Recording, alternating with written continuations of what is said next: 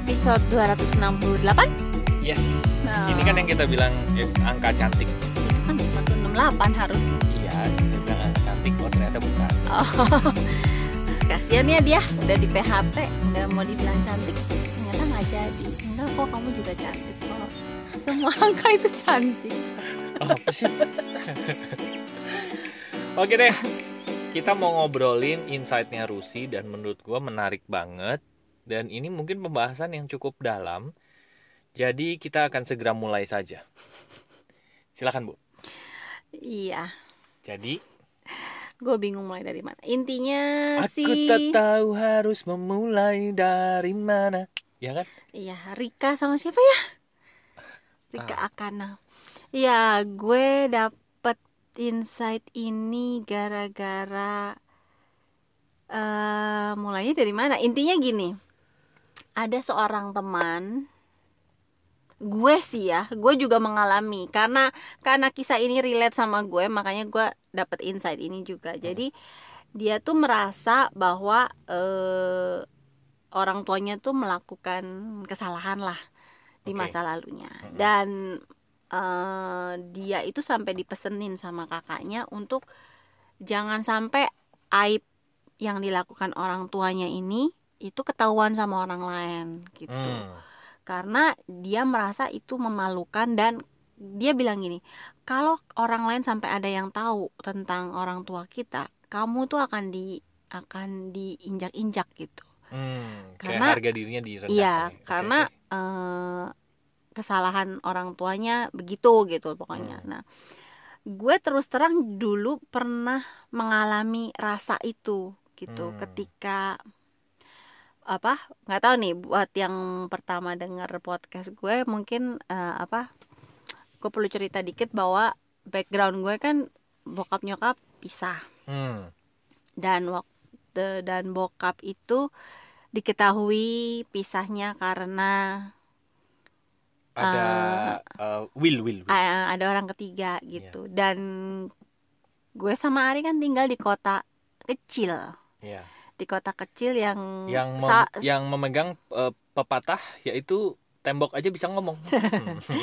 semua apa se- sebetulnya oh, lingkarannya tuh kecil jadi Ini kita saling lagu. kenal Semua rumput pun riang-riang. Nah, itu. kok lingkaran kecil ke Iya. rumput Rumputnya pun riang-riang eh, pada celemet mulutnya. Oh gitu, ya jadi orangnya tuh saling kenal satu sama lain dan ada kabar apa tuh langsung cepat banget. Padahal gitu waktu kan. itu belum era digital. Heeh. Mm-mm. hebat kan sebenarnya. Apalagi sekarang era digital lebih parah lagi. Tapi kalau ngegosip antar kota mah nggak perlu digital kayaknya, Iya sih. Iya. ya. Oke. Nah, jadi waktu itu gue merasa semua eh, di di lingkaran gue itu tahu gitu apa yang terjadi pada orang tua gue gitu dan. Hmm. gue sempet malu kalau misalnya kan pertanyaan khas ya kalau di eh, kota gue dan kebetulan karena gue Chinese ya jadi kalau main ke rumah temen pertanyaan pamungkas dari orang tua temen gue adalah kamu anaknya toko apa Mm-mm. Gitu kan. Betul. Anaknya siapa ya? atau anaknya siapa Iya. kita menyebutkan nama eh, Orang tua. orang tua bokap atau nyokap dan mereka langsung ah ini langsung nyambung gitu Kalau gua sih aman. Ya, Jadi gua karena- sebut anaknya siapa? Ini nggak tahu kan? Ya oke, gua main. toko apa bukan Bukan- toko, bukan toko. oh oke nggak tahu masih karena nyokapnya Ari pendatang dan kerja kantoran gitu Ya. kalau gue kan memang gue asli kota ini ya udah nah jadi gue sempat mengalami gue sempat malu gitu. Kalau misalnya ditanya anaknya siapa? Anaknya ini gitu anaknya bokap gue gitu. Oh ini gitu. Dulu tuh ada perasaan eh Seperti langsung dihakimi gitu ya. iya kayak oh kamu anaknya ini yang melakukan itu gitu loh Oh, iya. padahal kan itu mungkin cuma perasaan gue. Persepsi aja persepsi ya. gue sebagai anak kecil gitu karena Hmm. mungkin gue sendiri merasa apa yang dilakukan eh, bokap gue dulu tuh nggak banget gitu Mm-mm.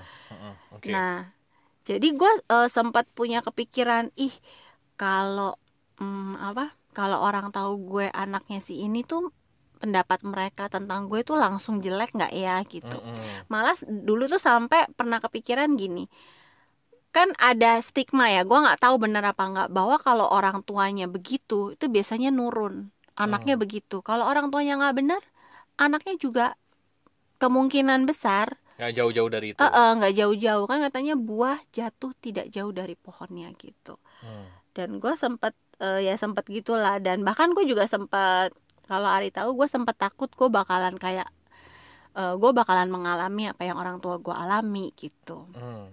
nah gue jadi begitu temen gue tadi cerita tentang dia dan gue relate karena gue mengalami hal yang sama dan gue cuma bilang sama Ari eh, kemarin gue sempat bahas bahwa kita tuh perlu memisahkan emosi kita sama emosi anak ada ya Hmm. di podcast episode berapa gue lupa bahwa gue dan anak gue itu dua jiwa yang berbeda Mm-mm.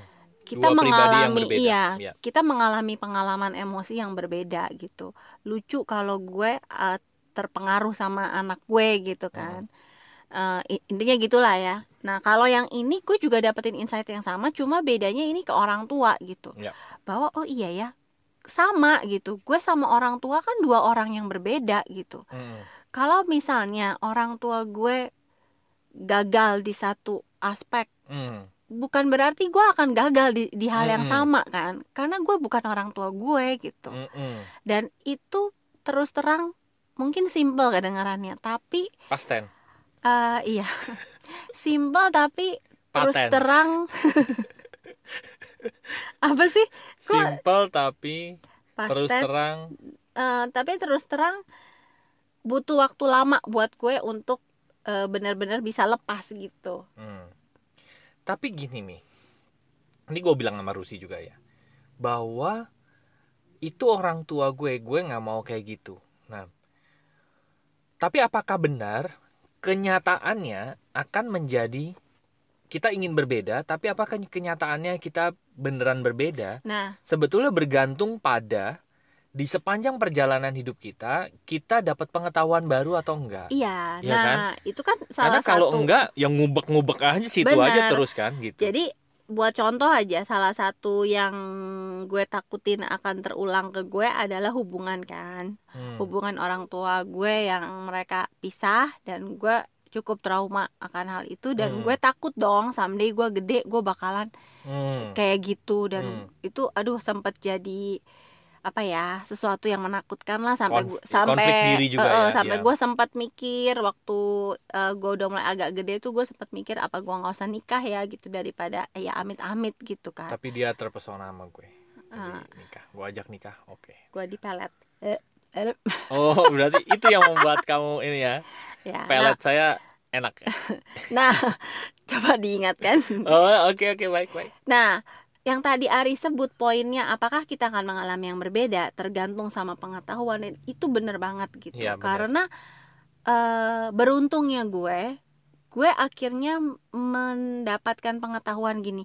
Karena gue dari setelah akhirnya gue punya pasangan eh, Ari gitu ya, ya otomatis gue eh, awalnya gue bilang gini, gue nggak mau ngalamin yang bokap nyokap gue alamin. Hmm. Terus gue diajarin bukan begitu cara ngomongnya. Yang bener Ya. adalah gue mau punya hubungan yang yang apa yang gue Harmonis, mau iya. gitu. Jangan jadiin eh, apa modelnya tuh dari model bokap nyokap ya. Iya, Karena kalau kita Mm-mm. intensnya ke gue nggak mau kehidupan pernikahan gue kayak bokap nyokap gue Iya, itu sama berarti kan aja. itu yang kita relatekan kan itu Iya. yang kita sambungkan Dan gitu. Nah, akhirnya gue belajar oh yang bener adalah gue harus punya tujuan buat Iya. hubungan gue sendiri. Gue mau hubungan kayak apa? Oke, akhirnya gue dari gue sama Ari masih pacaran nih gue udah udah menetapkan nih karena ini satu hal yang penting buat gue gitu karena Hmm. gue takut lah bener-bener zaman dulu tuh Hmm. ya udah gue udah dari dulu tuh menetapkan bahwa gue pengen punya hubungan yang kuat Hmm. menyenangkan nah semuanya itu gue susun intinya sih untuk ngejagain supaya hidup gue completely different gitu Hmm.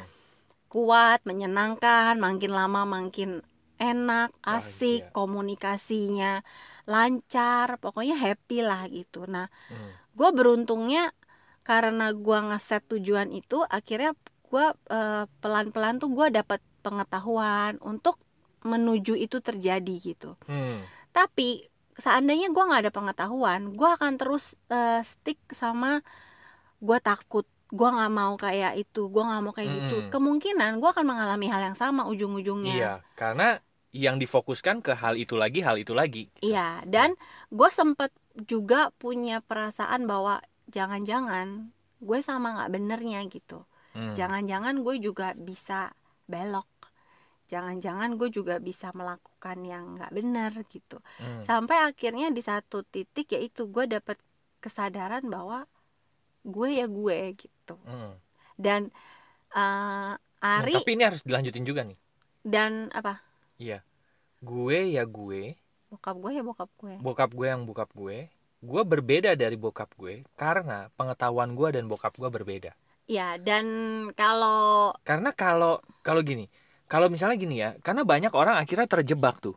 Terjebak dia kayak tadi Rusi cerita gitu ya. Poin pertamanya adalah yang nggak yang mau yang dominan di dalam pikirannya adalah Masih gua nggak mau begini gitu. Mm-mm. Nah, berarti kan sebetulnya role modelnya adalah ini nih. masih tetap yang begini Ya kan Heeh, Mm-mm. padahal dia maunya begitu, Iya, ya kan. Nah, role modelnya di dalam bawah sadarnya belum diganti sebetulnya sama dia. dia masih punya role model itu Bener. Ya Jatohnya adalah ya sudah semesta ini akan mendatangkan ya lo maunya begitu yang dominan di, di dalam bawah sadar lo adalah ini kok gitu kan. iya Akhirnya yang didatangkan adalah yang dominan di dalam pikiran kita gitu. Nah, banyak orang terjebak kayak gini. Dia nggak mau, tapi kok akhirnya yang nggak dimauin tetap datang dalam kehidupannya. iya Gitu. nah salah satu hal yang menurut gua eh, penting ya adalah gini bahwa ketika kita kecil oke lah kita masih dicetak gitu kita masih ya apa pun yang lingkungan kita bentuk itulah jadinya diri kita Hmm. Tapi gue pikir begitu kita udah mulai dewasa, kita udah punya pengetahuan, kita udah punya kesadaran, kita udah punya mau gitu loh. Hmm. Dan di situ eh, harusnya kita udah bisa ya tadi yang apa ya Ari bilang bahwa kita harusnya sudah punya tujuan, Hmm. tujuan dan maunya kita tuh kayak apa gitu Mm-mm. dan memisahkan bahwa pertama itu sih memisahkan dulu bahwa Mm-mm. gue punya kendali gue sendiri gue nggak lagi dibentuk karena gue bukan lagi anak kecil gitu dulu Betul. mungkin gue dibentuk sama lingkungan gue tapi Betul. begitu gue gede gue eh, gue apa kendalinya di tangan gue kok gitu nah di kendali ini itu berupa bagaimana cara kita milih pengetahuan bagaimana cara Betul. kita menetapkan tujuan bagaimana cara kita ya dengan kesadaran itu kita ya mengarahkan diri kita ke hal yang kita mau gitu dan Mm-mm. ya udah yang udah terjadi sama eh, keluarga sama orang tua ya ya itu memang udah terjadi cuma itu Iya. bukan lagi definisi gue bukan tergantung sama itu gitu Betul. gue yang bisa mendefinisikan diri gue ke depannya gue mau kayak apa gitu Betul. dan eh iya ini eh, cuma pertama kali tetap yang menurut gue jadi awal adalah eh, pemisahan bahwa kita Iya. eh, anak-anak itu bukan orang tua gitu Betul. kita tuh bukan orang tua kita gitu jadi kita tuh selalu punya harapan selalu punya kesempatan untuk menjalani sesuatu yang beda sesuatu yang kita mau gitu Betul. Betul. dan dulu gue sendiri sempat takut eh, parno ya sama hubungan karena selain gue ngalamin Ari kan juga ngalamin Hmm. dan dari sisinya itu kan gue sering ngebayangin eh kalau gue bisa nggak bener gara-gara misalnya bokap gue nggak bener Ari Hmm. juga bisa dong nggak bener Kan Hmm. pengalamannya sama sama gue Walaupun Iya. gua nggak, gue jarang ketemu bokap gue ya. Iya. Gitu. Nah, sampai akhirnya itu selain gue bilang sama diri gue sendiri bahwa gue orang yang berbeda. Gue Hmm. adalah gue gitu. Dan akhirnya gue sampai di satu titik juga eh, untuk menyadari bahwa Ari, Ari ya Ari gitu. Hmm. Kita nggak bisa eh, ngejudge seseorang nggak benar cuma gara-gara orang tuanya melakukan kesalahan gitu. Itu kan Iya. nggak fair ya Betul. gitu. Jadi menurut gue, oh iya ya Benar. Uh, kalau kita melihat seseorang dari uh, latar belakang orang tuanya itu kayaknya anak itu nggak punya kesempatan dong gitu iya padahal kan dia punya hidupnya sendiri Betul. gitu jadi ya itulah ilustrasi ini ya gue pikir ya itu yang dilakukan kenapa orang-orang tua zaman dulu pengen anaknya merantau karena pada saat mereka keluar dari rumahnya mereka belajar di sekolahin keluar gitu ya mereka tuh akan mendapatkan pengetahuan baru di sana mereka akan dibentuk Berkembang sama ya. lingkungan yang baru di sana mereka mendapatkan belief-belief yang baru di sana gitu kan tentunya dengan harapan lingkungan Lingkungannya baru tepat. itu ba- baik Betul. Nah, soalnya kalau mereka tetap aja ada ini gua nggak ngomongin hubungan pernikahan ya, tapi ini wawasan cara mereka memandang dunia gitu ya. Kalau mereka tetap di kampung, berarti belief yang ada di dalam diri mereka adalah semua dari lingkungan di kampung tersebut gitu kan. Agak susah dia keluar dari belief-belief di kampung tersebut karena kalau dia tidak melihat dunia yang lebih luas kan gitu. Dia nggak ngupgrade pengetahuannya. Jatuh-jatuhnya apa? Kehidupan dia itu akan nyaris sama dengan kehidupan orang tuanya gitu. apalagi Karena role modelnya begitu-begitu lagi kan. role modelnya begitu-begitu dan eh, stigma lingkungannya akan memberikan dia label yang sama oh dia anaknya Anaknya A itu, gitu ya, tapi betul. kalau begitu kita keluar, Keluar betul. di luar nggak ada yang tahu siapa kita sebenarnya kita mau jadi apa pun orang akan ya Bener. ya taunya ya kita yang Yang baru kita kan. yang baru terbentuk Betul. gitu kan Nah, itu dia sebetulnya mungkin ini ilustrasi yang mirip ya kenapa anak an- uh, orang tua tuh mendorong anak-anaknya untuk keluar gitu supaya mereka bisa menjadi bagi eh, mereka bisa menjadi diri mereka yang terbaik yang kalau da- zaman dulu tuh mereka lagi mencari mencari jati diri itu loh. Iya kan? melepaskan dari mm, bukan pengaruh ya tapi Iya. ya memisahkan itu tadi memisahkan bahwa- antara ya orang tua ya orang tua, anak ya anak. Anak itu punya jalannya sendiri gitu Iya, kan. Gitu. punya jalannya sendiri punya warnanya sendiri punya Betul. panggilannya sendiri Betul. dan jadi gua agak sedih kalau dengar atau tahu anak-anak yang masih tanpa sadar itu ter copy paste gitu. Ya, mereka tahu mereka nggak mau kayak gitu tapi karena ya nggak tahu mungkin nggak sadar atau eh, pengetahuannya memang belum belum belum dapet gitu. Jadi betul. tanpa disadari mereka menjalani hidup yang 90% sama gitu. Betul. dan itu terjadi karena memang bawah sadar kita eh, apa menyimpan memori Ya, memori itu yang kemudian menjadi program dan program itu yang diwujud nyatakan gitu. Benar. betul. Jadi Dan banyak orang ya memang menjalani itu nggak sadar gitu ya. nggak sadar dan kejadiannya kayak kayaknya gue udah memilih jalan yang beda. Tapi karena rasanya di dalam ternyata masih ada, somehow itu kok ya bulat lagi, begitu Iya, lagi gitu. betul. Walaupun jalannya beda, tapi kok ketemunya sama ya, mirip-mirip ya, polanya begitu ya gitu. Nah, Betul. itu sebenarnya ya kabar baiknya itu bisa diputus kok bisa Benar. diselesaikan karena itu tadi kita tuh punya hidup yang lain sebenarnya gitu Betul, betul, betul. Betul. Kita punya hidup yang lain ya tadi. Asal kita berani untuk menambah pengetahuan iya lagi gitu ya dalam kehidupan dan kita. kita mulai ini kita udah dewasa kita perlu tahu apa yang kita mau Nah, itu penting. Betul, betul. Kita perlu tahu apa yang kita mau. Karena kalau enggak, yang diwujudkan sama semesta adalah cuma yang bentukan kita bentukan waktu kita kecil. waktu kecil. sedangkan betul. begitu kita dewasa ya tadi kita punya pilihan kita punya kendali Betul. Benar, benar, benar. Setuju ini. Setuju gue.